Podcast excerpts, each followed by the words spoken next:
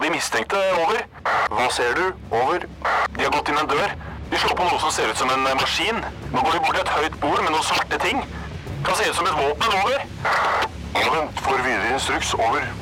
Nei, vent! Det kommer på en rød lampe. Over. Røverradioen. Norsk fengselsradio.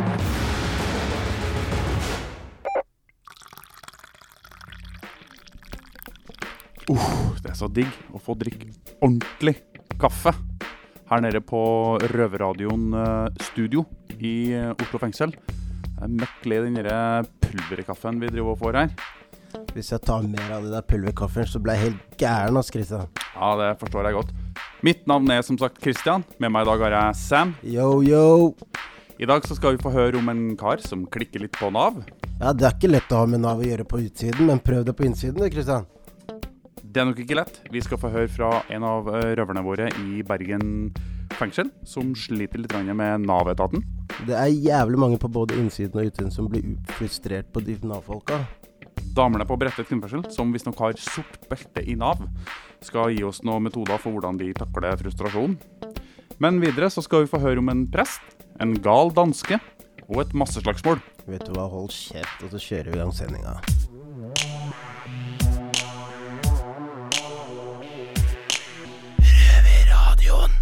Først ut i sendinga så skal vi få høre fra våre røvere i Bredtvet kvinnefengsel, som har tatt en prat med presten.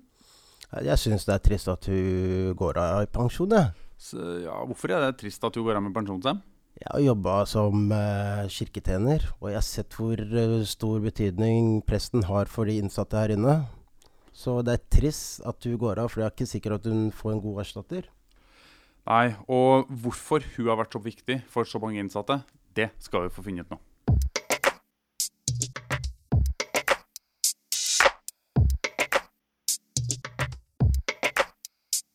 Vi skal si farvel til en person som har betydd utrolig mye for oss innsatte her på Bredtvet kvinnefengsel. Dama jeg snakker om, har alltid satt andre foran seg selv, og har alltid vært med oss gjennom sorg og latter i over 20 år. Jeg heter Miss Guinevere og sitter her med Kjersti Wernø, som har vært fengselsprest her i 21 år. Stemmer det? Det stemmer. Det stemmer. Hvordan føles det å slutte? Hmm. Det føles litt rart. Det gjør det. Jeg har tenkt på ganske lenge at jeg skulle slutte. Så jeg er godt forberedt på at jeg ikke skal være her lenger. Men jeg må innrømme at det er litt vemodig. Derfor så har jeg liksom strukket det litt ut over tid. Du var ikke helt klar som du trodde likevel? formelt sett var jeg ferdig 1.12. Ja. Og så av forskjellige årsaker så ble det litt lenger, og det syns jeg egentlig var litt fint. Så jeg skal være her eh, noen dager denne uka, og en dag neste uke. Og så er det slutt. er det slutt.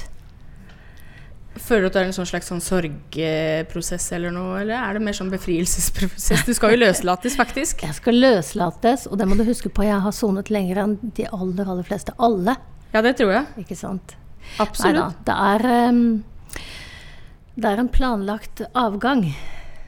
Det er det. Men det er litt vemodig. Det har vært en veldig, veldig fin og givende jobb for meg også. Rett før jul nå så blei det jo arrangert en avslutningsgudstjeneste for deg. Ja. Og jeg har jo vært her en stund eh, nå. Eh, men jeg har faktisk aldri sett så mange møte opp på en gudstjeneste før. Altså Kirka var jo smekkfull, og det sier jo egentlig ganske mye om hvor mye du har betydd og betyr da, for både ansatte og innsatte, og gjester for den saks skyld. Det gjør jo det. Ja, det var veldig fint. Jeg så du begynte å få litt tårer. Jeg, jeg Og så det. veldig rørende. Det var Ja. veldig rørende. Det var det. Tenker du noen gang tilbake på det? På den dagen? Mm. Ja, jeg er glad for at det ble sånn. Eh, til å begynne med så hadde jeg ikke så veldig lyst til å ha så voldsomt avskjed. Nei, for du liker ikke å sette deg sjøl i fokus, du. Ah, jeg er ikke så veldig happy for sånt. Um, men jeg er veldig glad jeg gjorde det, egentlig. Du overlevde, da. Både for min egen skyld og for dere. Ja, Jeg tror det var fint for dere også å ta avskjed på den måten. ja det, det, det hjelper veldig mye. Jeg tror det er gjensidig. altså. Ja, Det er det. Men sånn, nå skal vi langt, langt tilbake. Syns du at Gud står like sterkt i fengsel i dag som før? Det var jo et veldig interessant spørsmål. Um, hvis jeg skal si noe om det, så tror jeg at det må bli noe sånt som at ute i samfunnet så ser vi kanskje mer sekularisering. Sekularisering. Ja, altså det vil si at samfunnet blir eh, Altså at folk er mindre troende, Mm. for å si det sånn. Men her i fengselet så tenker jeg at um, At man ikke er det. Du tenker at det blir, litt styrka for hver, hvert Ja, jeg tenker år at det å sitte i fengsel gjør at mange tenker mye mer over i hvert fall eksistensielle spørsmål. Pluss at prestens rolle her inne er jo en annen enn ute. Ja, det skal grad. være sikkert. i stor grad. Mange her inne snakker jo med presten selv om ikke de tror på Gud. Ja, jeg var jo en av dem. Du var en av dem, Ja. det husker jeg. Og en annen kom til meg og sa eh, Du, presten, jeg eh, tror ikke på Gud, altså, bare for å ha sagt det, men jeg vil gjerne snakke med deg en gang i uka, er det greit? Ja. Så jeg har jo alltid snakket med folk. Ja. Uansett tro eller ikke tro, og uansett hvilken tro. Jeg har jo for så vidt sagt den setningen til deg altså Det går ikke an å telle det på fingra. Jeg er ikke troende, altså. Det, men, eh, men eh, kan ikke vi snakke litt sammen? Jeg har jo vært sånn, jeg òg. men, men jeg syns jo at du er en ganske spesiell person. Altså Jeg husker eh, Det var faktisk på Valentine's Day 14. februar. Husker du når jeg gikk av brev- og besøksforbud og fikk lov til å ringe fra kontoret ditt? Husker du det? Nei? Du, vet du, jeg, Hvor lenge er det blei, siden? det, er, eh, det er lenge siden. Ja. Uh, Men det var jo første samtalen jeg fikk for å ringe hjem. Ah, For ja. å ringe hjem. Og da eh, Husker du ikke det, altså? Nei. Men når du forteller det, så tror jeg jeg husker det. Ja, kanskje. Det var jo pappa som svarte. Og det endte jo bare med at det blei bare sipping og grining og sånn. Så, men, men eh, det husker jeg. Det, det betydde ganske mye for meg. Ja. Og så var det liksom Det var ikke sånn betjent, på en måte. Det var mer sånn skjært. Det, det likte jeg veldig godt. Husker du det? Nei.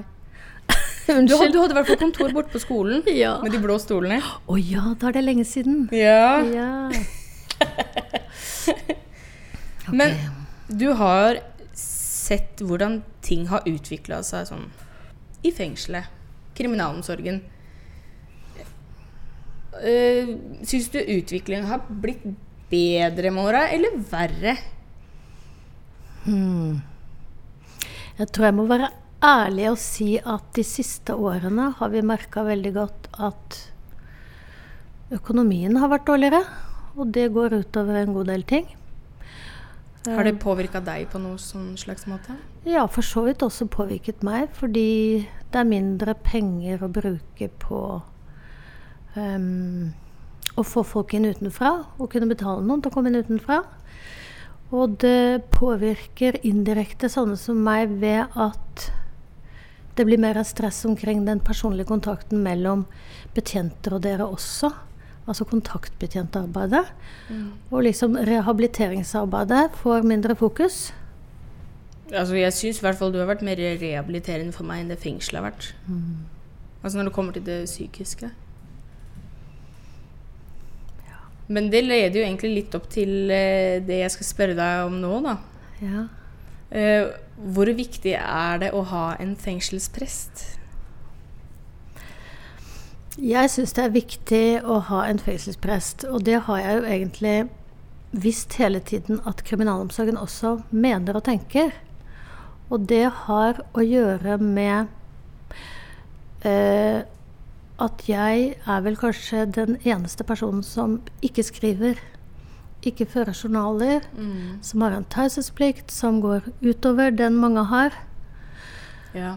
Og som er en som kan snakke om eh, sorg, eksistensielle problemer, eh, familie og alt man egentlig er opptatt av, som man tenker man ikke ellers har noe sted å gjøre av. Mm. Og jeg har ingen sanksjonsmidler. Ikke sant? Jeg har eh, riktignok nøkler og alarm. Så det er et fristed, tror jeg nok veldig mange opplever. Jeg, jeg gjør i hvert fall det. Og jeg innbiller meg at det er flere som også har opplevd det. Ja. Kjersti, jeg vil si tusen hjertelig takk for at du hadde lyst til å komme på Røverradioen, og at du har vært her i alle disse årene. Eh, jeg syns det er veldig trist og, og at du skal dra, at jeg ikke ser deg lenger i korridoren og sånne ting. Men så, sånn er det i fengsel. Vi skal jo tross alt alle ut en dag, vi òg. Mm. Men jeg tar gjerne den kaffen. Vi tar en kaffe. Ja. Yes.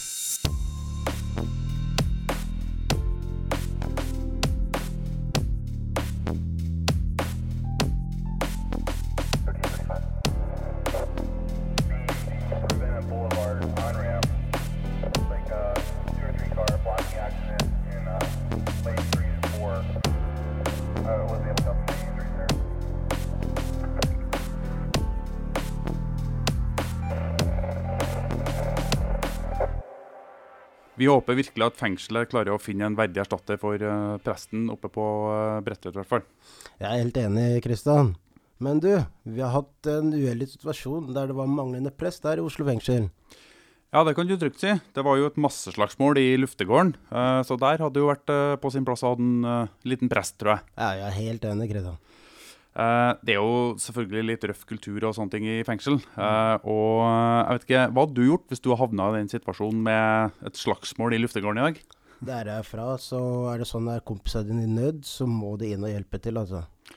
Ja, det ser jeg absolutt. Uh, nå er det også sånn at det, det er jo fryktelig dumt da, hvis han karen der, er- eller du eller den det gjelder, er på tur ut på prøveløslatelse, og du har kanskje et år i en ekstra sone. Så har du fått innvilga løslatelsen din, og så havner du i en sånn, sånt, eh, en sånn sak, da, og du ender opp med å kanskje må sone et ekstra år da, for det. Ja, jeg veit det, men vi har våre tidligere røver. Louis, Chico Elias. Ja, og Elias har jo faktisk var jo direkte involvert i det dilemmaet her, så nå skal vi få høre litt hva, hvordan det her eh, foregikk. Røverradioen. Det skjer mye merkelig innenfor Oslo fengselsmurene som dere der ute ikke vet. Nå har vi tilfelle at vi har hatt masse slåsskamp på avdelingene. Jeg heter Chico, og jeg står her med Louis og Elias. Ja, hva, jeg hørte noen rykter om det også, men hva er det som skjedde egentlig? Elias, du er jo i din avdeling. Så kom med noe juicy info, da. Fortell, da. Ja, bro, jeg skal gi dere all, all juicy detaljer, mann. Jeg var der Ja. når fuckings eh, kaoset brøt løs, mann. Det var, det var som å være i en eh, fangehule fullt av løver, mann. Ja, jeg kan ta det fra starten. Det var først fotball, ikke sant. Jeg spilte jeg også, rolig. Du vet, jeg var, jeg var fisker, spiss. Jeg bare sto rolig, fanga, putta mål, du vet. Og så begynner plutselig eh, eh, Vi skal ikke si navn, ikke sant?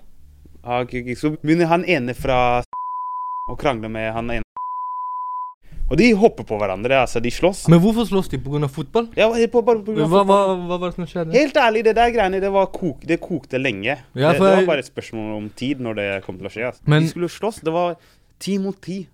Du var ellevte mann. Jeg kunne gått inn, men jeg tenkte hei, det blir feigt. Jeg hørte du løp, jeg. Bro, jeg var smart. Jeg holdt meg helt rolig. Jeg Ok. så Jeg så, jeg så, så meg rundt. Jeg skjønte OK, her, nå er det hot. Jeg må finne dekning. Så jeg- ryktet som går rundt, er ikke sant at du løp fordi du Nei, var redd? nei. Jeg ikke Småjogget? Jeg jogga. Jeg jogga helt til andre siden. Ok. Vekk fra hele greia. Ja, Du støtter langt, ikke dine langt. brødre. Nei, det Nei, var det er jeg også tenkte. Jeg tenkte Det er the ikke noe å støtte brødre, mann. Det er jungel her. Du må overleve. Det er snakk om å faktisk Men istedenfor å løpe, da, eh, mister, eh, hvorfor prøvde du ikke å stanse dette her, da? Nei, det var to stykker som prøvde. Og jeg tror de fikk noen slag mens de prøvde. Så jeg Ok. tenkte eh, jeg, jeg så han ene, han ble sparka og sånn. Nå setter vi det litt på spissen, da, bare for å liksom høre situasjonen og hvordan du Ja. tolker det. da Men jeg skjønner at, eh, at du tenker på deg selv og to tredjedelen din. Men jeg skjønner hva du mener. Ja, mann. Men- Tenk deg du er i den situasjonen hvor mange slåss. Sykt mange mennesker.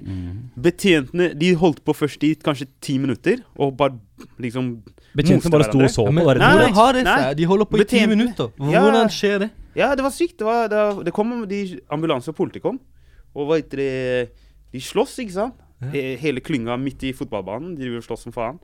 Og så ringer han betjenten, han skriker fra det tårnet, og så trykker han på alarmen, og det står der med walkietalkien. Så kommer det 20 Deres feil vi ble låst inne tidlig. Ja, vi ble Ja, låst ja, en det- det time, en og en halv time tidligere, jo. Ja, det er Kjører meg en og en halv time. Ja. Er du gæren? Jeg hadde ikke noe med det å gjøre. Jo. Nei, han løper jo. Ja, Ja, man, Men, ikke- eh, men uansett, da. Uh, la oss si uh, Hvis jeg personlig hadde vært i den situasjonen, så hadde jeg støttet brødrene mine. Hva Ja, hadde du du må steppe opp. Nei, jeg stepper ikke opp når det er feigt, ass. Hva med deg, senior Rodrigo? Bør jeg tatt på meg lua. Håper at kameraet ikke sånn er, og så Nei, men alle ble sett. De har sånn ti kameraer. eh, De hadde alle vinklene, liksom. Alle ble tatt som all, Alle som rørte noen, ble putta i paragraf. Men OK, det var en fotballkamp. Dette her blåste seg noe jævlig opp, da. Det er masse slagsmål og sånn. Hvorfor skjer sånt? Det Det skjer ikke sånn utenfor fengsel. Nei, men det som du må huske er at vi sitter i, i fengsel. Vi er innlåst uh, store deler av tiden. Uh, mye testosteron. Spiller fotball. Én pluss én er to, ikke sant? Det er lett å komme i fight. Clinch. Man er uenige. Forskjellige folkeslag. Ja. Eh, Jeg skjønner godt at det kan skje her inne. jeg føler den der med folkeslag har mye å si. ass. Veldig mye å si. Så, så er det kanskje Ja. to- to-tre personer ikke liker hverandre fra før av. Skal ikke Ja. mer til, altså. Jeg vet ikke, jeg vil ikke si det, fordi jeg, jeg, er jo- jeg vil ikke si det har så mye å si. Det er liksom jeg og flere av de eh, som bare tenkte fuck det her. Hvorfor skal vi Vi har, vi har en fremtid å tenke på, livene våre å tenke på, liksom. Ikke bare så de, vi, Og vi så, satt og chiller'n og så på de slåss, og vi tenkte hei, vi er venner. Vi hadde liksom fred. Men de andre var ikke del av slåsskampen, som du. Eh, ja, nei, det var jeg og en annen, for eksempel. Jeg og en annen Gikk folk som ikke spilte fotball og slåss? Folk som ikke spilte Eller var det bare de som spilte fotball, som slåss, da? Eh, Det var stort sett de som spilte fotball, men det var ikke alle som spilte fotball som slåss. Det var mesteparten. Så det kom flere til, da, for å delta. Og støtte brødrene sine. Ja, noen kanskje. Litt. Men uh, hva tror du skjer med gutta som da mest sannsynligvis sitter på paragraf nå? Eh, jeg tror de verste, fordi det var noen, grå, det var noen som var mye grovere enn andre, ikke sant? de får jo uh, mye lengre straff. Og. De sa det selv, det er flere som har blitt sånn anmeldt. Så det, blir, det kan bli noen nye dommer. En ny da. sak, Ja, du blir flytta kanskje til andre fengsler. Ja, sånne type ting. Det er det som skjer, ikke sant. Vant dere, vant dere kampen, eller? Ja, det lurer jeg på. Ja. Nei, nei, Hvem vant? Hvem vant? leda? Liksom, hvem var det som Ja. vant Helt ærlig, jeg drev, vi drev og snakka om det ute og sånn. Vi drev, vi drev og vedda og sånn, hvem som kom til å Fordi det varte så lenge, ikke sant? Ja. Og de fortsatte. Men jeg har respekt for alle, begge sidene, så jeg, jeg gidder ikke. Jeg Ja, synes det er frekt vant, å si sånn. Jeg syns det er veldig frekt, så jeg, jeg sier ikke det er offentlig. Det Ok. er bare- ja. Men hva- Jeg tror vi avslutter den eh, situasjonen der, jeg. Hva har vi lært av dette? Ikke slåss i luftegården når du spiller fotball.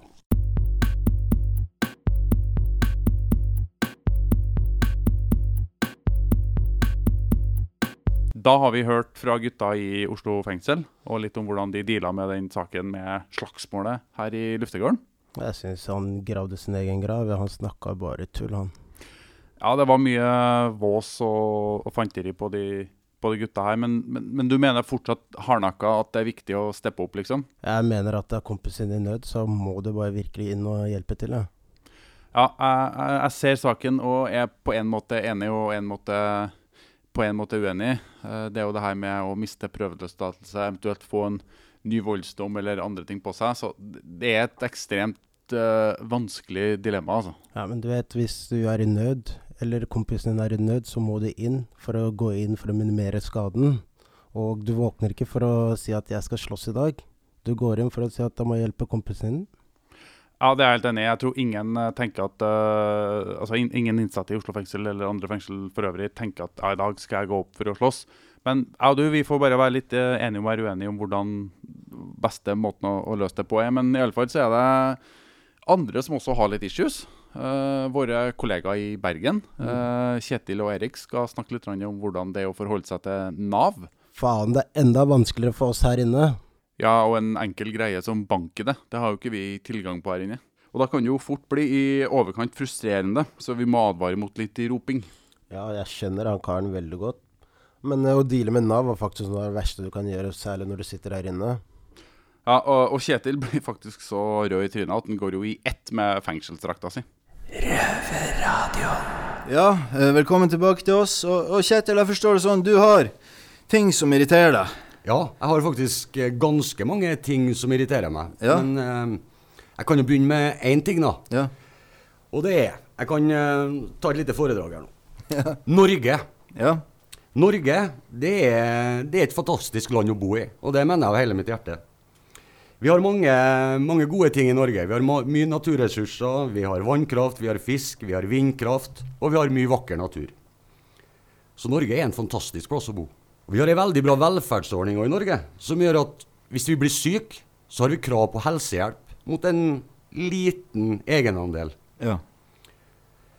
Eh, har vi ikke jobb, så har vi òg krav på økonomisk bistand i form for, av eh, AAP, arbeidsavklaringspenger, eller arbeidsledighetstrygd, hvis vi kvalifiserer til det. All, alle de ytelsene det er ting som blir utbetalt via det store Nav. Og Nav er et forferdelig ord. Nav irriterer meg. Nav, Jeg kjenner at jeg blir kvalm når jeg snakker om Nav. Nav er forferdelig.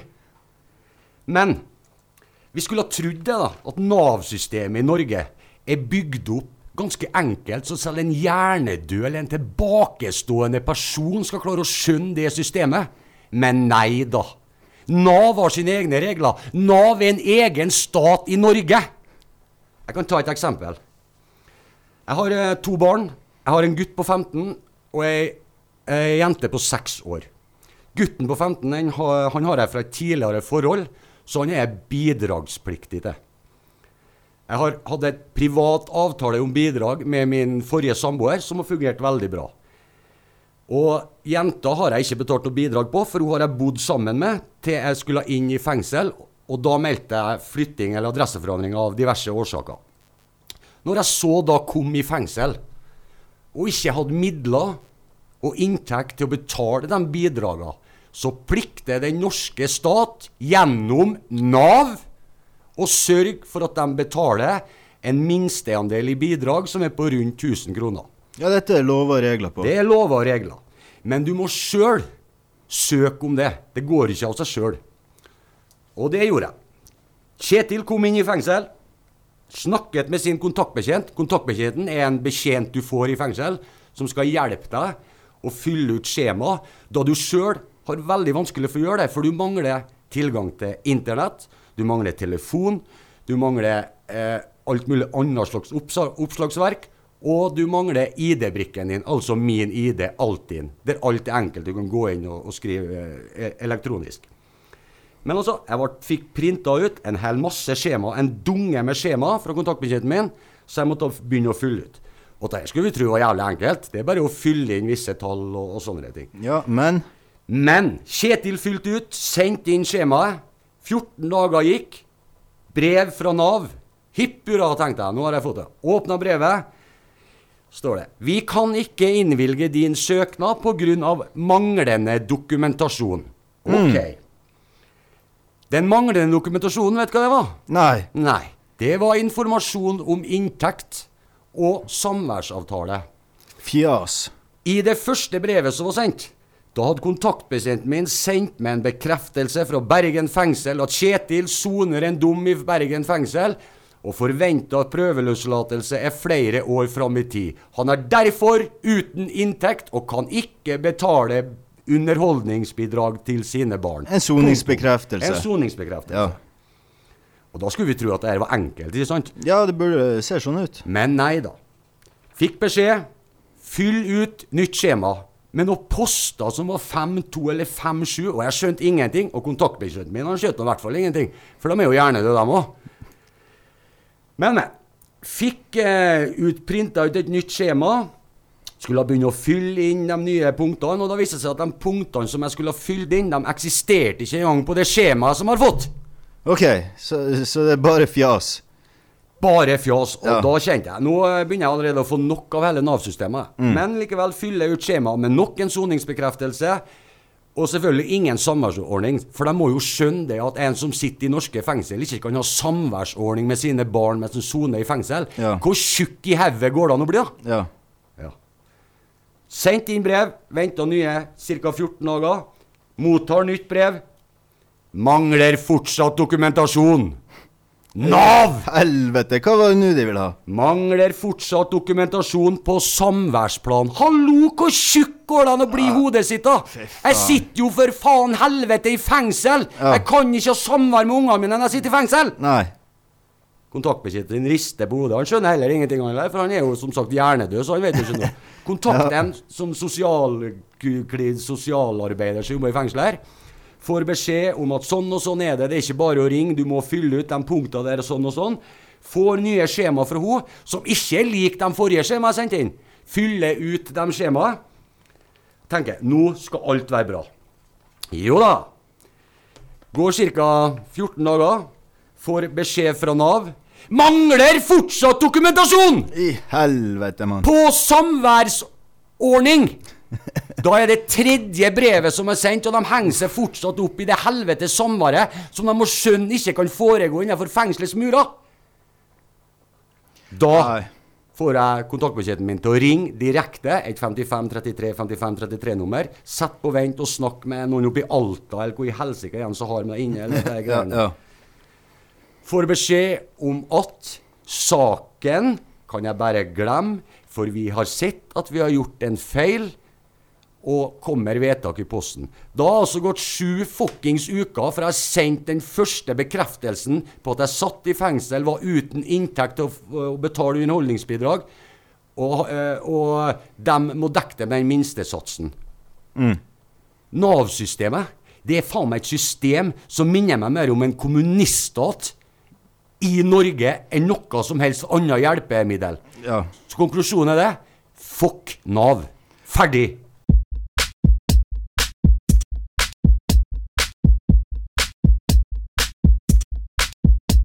Da har vi i hvert fall hørt litt uh, hvordan Kjetil uh, hadde det. Uh, personlig så syns jeg ikke fire uker er så himla ille. Her på Østlandet så syns jeg liksom saksbehandling og sånne ting er mye, mye lengre. Ja, men eh, vi støtter litt Kjetil av det han sier. Det er jævlig frustrerende når du føler saken din ikke går videre, altså. Ja, det å være så støkk, det, det ser jeg absolutt, ass. Men eh, Sam, det er jo ikke bare vi på innsida som sliter med Nav. Eh, det har gått en kule varmt for noen der ute også. Ja, til og med folk på, inn, på utsiden sliter såpass så mye at de truer dem for livet. Ja, det er akkurat det. Og drapstrusler mot Nav-ansatte, da begynner det å bli ganske ekstremt. Mhm. Damene på Bredtvet kvinnefengsel de har blitt eh, rimelig gode nå til å håndtere frustrasjonen sin eh, når det gjelder det her.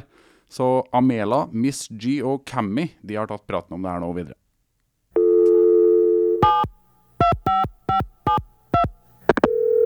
Hei, og velkommen til Nav. Har du spørsmål om pensjon, bor i utlandet Denne samtalen vil bli avlyttet eller tatt opp. This conversation will be monitored or recorded. 11 siffer, og avslutte med firkanttast. Akkurat sånn høres det ut når vi innsatte ringer ut av fengselet. Altså, det er sykt frustrerende og irriterende. Her er det jo informasjon vi ikke engang får med oss. Du hører på Røverpanel fra Bredtvet kvinnefengsel med meg, Miss Guinevere, Amela. Hello. Og Kami. Hei. Ifølge P4 så har det jo vært en eh, generell økning av trusler mot Nav, og det gjelder jo særlig telefontrusler. Mm. Så eh, derfor så har vi innsatte faktisk ganske lyst til å hjelpe deg med en liten hjelpeguide. Gi dere noen råd? Ja, om hvordan du kan eh, snakke med Nav. Det gjelder jo både deg der inne og deg der ute. Øh, Fordi at eh, greia her er jo det at eh, å drapstrue Nav-folka og familien deres, det er ukult. Ja, det er ikke greit. Men nå sitter kanskje du som ser, hører på Røverradioen og tenker hvorfor i alle dager skal jeg høre på dere innsatte som sitter i fengsler om råd å ringe Nav? Vi har jo jævlig mye erfaring med å få avslag på alt mulig. Her må vi jo søke om alt. True story. Mhm. Vi vet å oppleve frustrasjon. Absolutt. Mm. Yes. Og lærer å håndtere det. Yes. Men eh, først må vi jo nesten eh, Hvordan kommer vi innsatte i kontakt med Nav? Da må vi ringe dem. Ja. Og eh, det er jo ikke alltid like lett. Det er det ikke. Som dere hørte i det klippet, så går man jo som regel glipp av en del informasjon. Ja. Mm. Uh, og så er det litt sånn herre Hvem er det som har lyst til å hjelpe sure, irriterende og frustrerende mennesker? Det er i hvert fall ikke Nav. Så hvorfor blir vi egentlig frustrerte når vi ringer Nav? Det har jo med det at man eh, kommer ikke frem. Det er, det er lang tid. Ventetid. Og vi har bare 20 dyrebare minutter her inne. Så hvis det blir tatt av de, da, og ikke sosialtelefon, så er det jævlig kjipt å bruke de på å sitte i kø hos Nav, da. Og så i tillegg så kommer du frem til en saksbehandler som kanskje ikke ja, svarer så fint eller er så veldig behjelpelig, og da øker jo bare frustrasjonsnivået drastisk. Det er, jeg, jeg tenker at det er også en annen ting som spiller inn. For at de eh, minuttene, ringeminuttene vi har i uka, de er jo noe vi bruker privat. Så jeg skjønner jo at eh, vi blir frustrerte når vi må bruke de på offentlige telefoner. Ja, sånn skal det ikke være. Men eh, nå skal jo vi prøve å hjelpe deg. Hva kan du gjøre før du skal ringe Nav? Kanskje legge en plan. Det ja, tror jeg hadde vært lurt å bare liksom skrive ned eller gjøre seg klar over hva er det jeg skal oppnå med den samtalen her, og hvordan kan jeg gå frem for å oppnå det jeg vil. Høres veldig bra ut. Kanskje Kami, være du- hyggelig òg, på telefonen. selv om Ja. man er uh, litt frustrert i utgangspunktet, kanskje. Ja, og kanskje tenke over det før man ringer i det hele tatt. Da, at uh, uansett hvordan vedkommende i telefonen svarer, så må man bare prøve å legge seg flat og være høflig uansett. For det kommer man jo lengst Mm. med. Ok, så nå, nå er vi jo i samtalen, har vi ringt Nav, nå er vi høflige og vi har planlagt litt. Men i denne samtalen så kjenner vi på frustrasjon. Blod, blodstrømninga øker, du kjenner du blir varm i kroppen, du blir sur, du blir sint. Hvordan håndterer vi det? Ja, det er jo det som er vanskelig, da. Å ikke handle på impuls når man eh, kjenner frustrasjonen øker. Så kanskje prøve å eh, ta bort røret, bare telle til ti, og så ta røret inn til øret igjen, og liksom tenke at pust. Men si hvis du allerede har vært, blitt irritert. Hei, du vil ikke hjelpe meg. Hva- Hvorfor gidder du ikke å hjelpe meg? Ikke sant? Du sier det til Prøv å hente person. seg inn igjen da, og si du, beklager, jeg eh, er, ja, liksom, er litt frustrert, ja, bla, bla, bla. Jeg har kort eh, ringetid og na, na, na. Mm. Og så prøve å hente seg inn igjen, da. Ja. Men da håper jeg at eh, du har fått noen eh, nyttige tips eh, neste gang du skal ringe Nav, eller for første gang. Vær beherska, planlegg. Det er ikke noe gøy å hjelpe sure mennesker. Og gi aldri opp. Du kommer frem til slutt. Sant, ass. Du hører på lyden av ekte straffedømte. Røverradio. Hver lørdag på NRK P2 halv fire. Og når du vil som podkast. Yes, da har vi fått hørt litt fra damene på Bredtvet kvinnefengsel. Og fått hørt litt om deres erfaringer med Nav-systemet. Jeg håper dere lytterne har tatt litt lærdom av det de har sagt. Ja, det får vi virkelig håpe. Eh, Men, eh, og det er, jo, det er jo til å bli gæren av. Eh, Men nå skal vi over til en helt annen gærning. En kar i Danmark her som rett og slett dro en gjøkerede. Gjøkerede? er det ikke en gammel Jack Michelsen-film? da?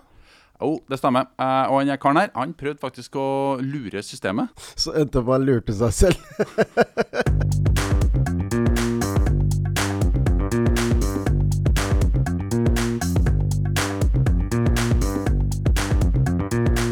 Jeg har et spørsmål, Tito. Ville Yes. du spilt dum for å slippe unna straffen din? Nei, mann. Det er ikke Det er ikke Nei. Nei. Nei. nei. Og nå skal vi finne ut hvorfor.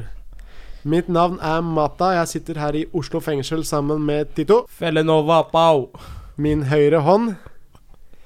Og eh, vi skal prate om en sak som har skjedd i Danmark. Um, I 2014 så ble Mikael Junker Sørensen Han ble tatt for vold, trusler og røveri. Altså en røver, men ikke en uh, Røver ut i gata. En røver. i Ja, ja, men eh, en, en røver, og så en dum røver for, for 20 000 kroner og litt vold og trusler. Yes. Så ble han tatt, og han prøver å slippe unna straffen ved å leke dum. Mm. Han, eh, hvis du har sett filmen 'Gjøkeredet', der hvor han eh, leker gal og havner på galehus for å slippe fengsel. Ja. Så det er en litt sånn en. Høyre-venstre. En, en Tito høyre-venstre. Eh, Forbanna meg. hvis, det, hvis det funker, da. Men dette her har iallfall ikke funka for Mikael. Nei, det gikk ikke hans vei, altså. Han øh, ble testa og ble Han fikk en IQ-test og ble målt til 58 i IQ. 2014, det var hans første runde på IQ-test, var det ikke? Ja, han, en, han ble testa i 2014, yeah. og da fikk han 58 i IQ. Yeah. Så han da spiller dum og vifter bort fluer som ikke er der, og øh, Ja, du veit. Som et knekkebrød, mann. Sprø som en kjeks. Han øh, ble sendt da til Kofos Minde Loland, Danmarks eneste sikrede avdeling for øh, utviklingshemmede. Mm. Og det første han øh, møter der, er en svær kar i tutu. Med ballerinaskjørt. Ja, ja. Det er de derre Det er tutu? Ja, ja. Ja. jeg har et par. Nei, jeg har ikke det. Jeg har ikke det. Tviler ikke, mann. Nei, jo, tvil. I 2016 så fikk han en ny vurdering, for han skjønte jo at han hadde driti seg ut. Det, er, eh, det var ikke det han ville. For i Danmark så har de spesielle regler for eh, For ja, utviklingshemmede, altså folk som ikke fungerer helt ordentlig. Mm. Og det er en sånn slags type Det er ikke forvaring, men det er en slags type forvaring der hvor de, um, de holder deg.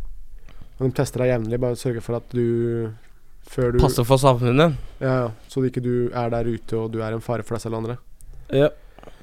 Og um, han da prøvde å grave seg ut, da. For nå tar han jo test på nytt i 2018, og da får han i 84 i IQ. Det Ja, han, rank, han ranka seg opp. ja, ja, det er en sterk forbedring på 26, 26 poeng.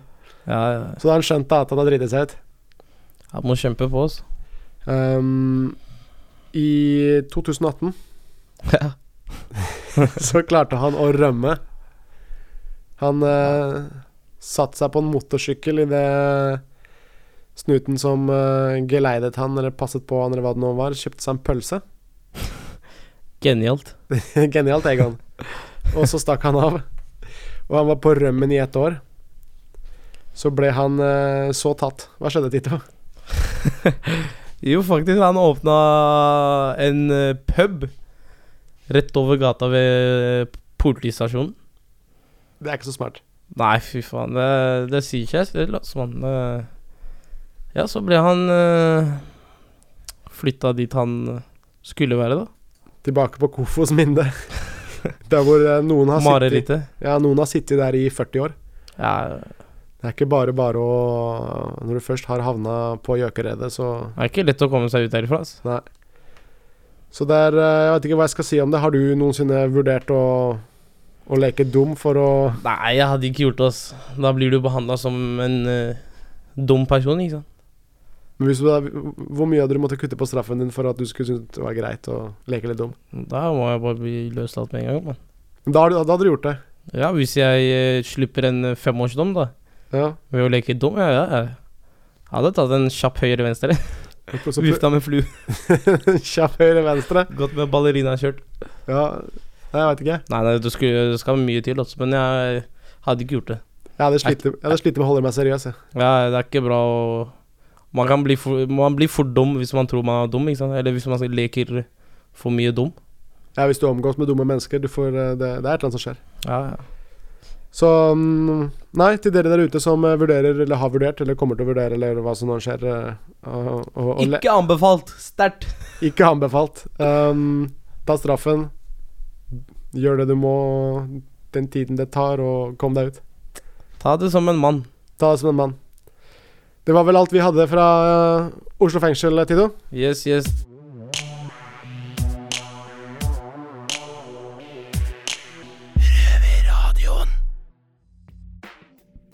Da har vi hørt en del uh, ting i dagens sending. Uh, Sam, uh, hva likte du egentlig best i dag? Jeg likte bedre den med presten. Jeg Mm. syns at eh, de gjør en jævlig bra jobb i fengselet, så jeg håper virkelig at de klarer å få til en ny en. Men eh, du, hva likte du best, da?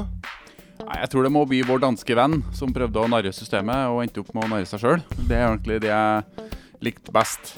Eh, men eh, for de som skal lytte til oss videre, Sam, hvor skal du gjøre det? Når skal du gjøre det? Du kan høre oss på P2 halv fire på lørdager, eller så kan du høre oss på podkast når du vil, hvor du vil.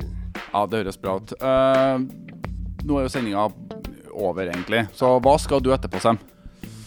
Ah, det er jo treningsdag i dag, så Mm. jeg håper virkelig at jeg får jo gjort noe, Kommer i gang. Ja. Det blir moro. Det blir bra å se. Få på du får jobba opp med foten din. Du har gått og hinka rundt her nå med krykker og sånn i flere uker. Det er deilig å bli kvitt de. Men hva skal du etterpå, du, da?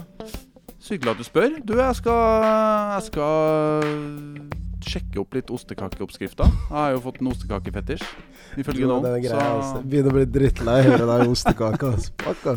jeg må forske på nye oppskrifter. Vi skal teste nye ting. Jeg håper det, for jeg er drittlei av å drive og se deg faste hele tida, så jeg håper virkelig at du slutter med å greia di. Altså. Nei, jeg kan ikke slutte å faste. Men uh, apropos slutte, vi er ferdig. Ha det bra. Vi prates. Sam have left the building. Det har vært stille fra over en time. Hva skjer? Over. Det er bare et radioprogram. Det er lettere å høre på dem der. Over. Ja, vet du når det går da? Over. Det Det er samme tid og samme sted neste uke. Over.